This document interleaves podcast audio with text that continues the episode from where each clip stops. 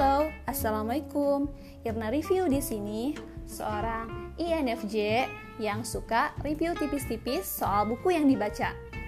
Dan juga suka bermonolog gak jelas sih.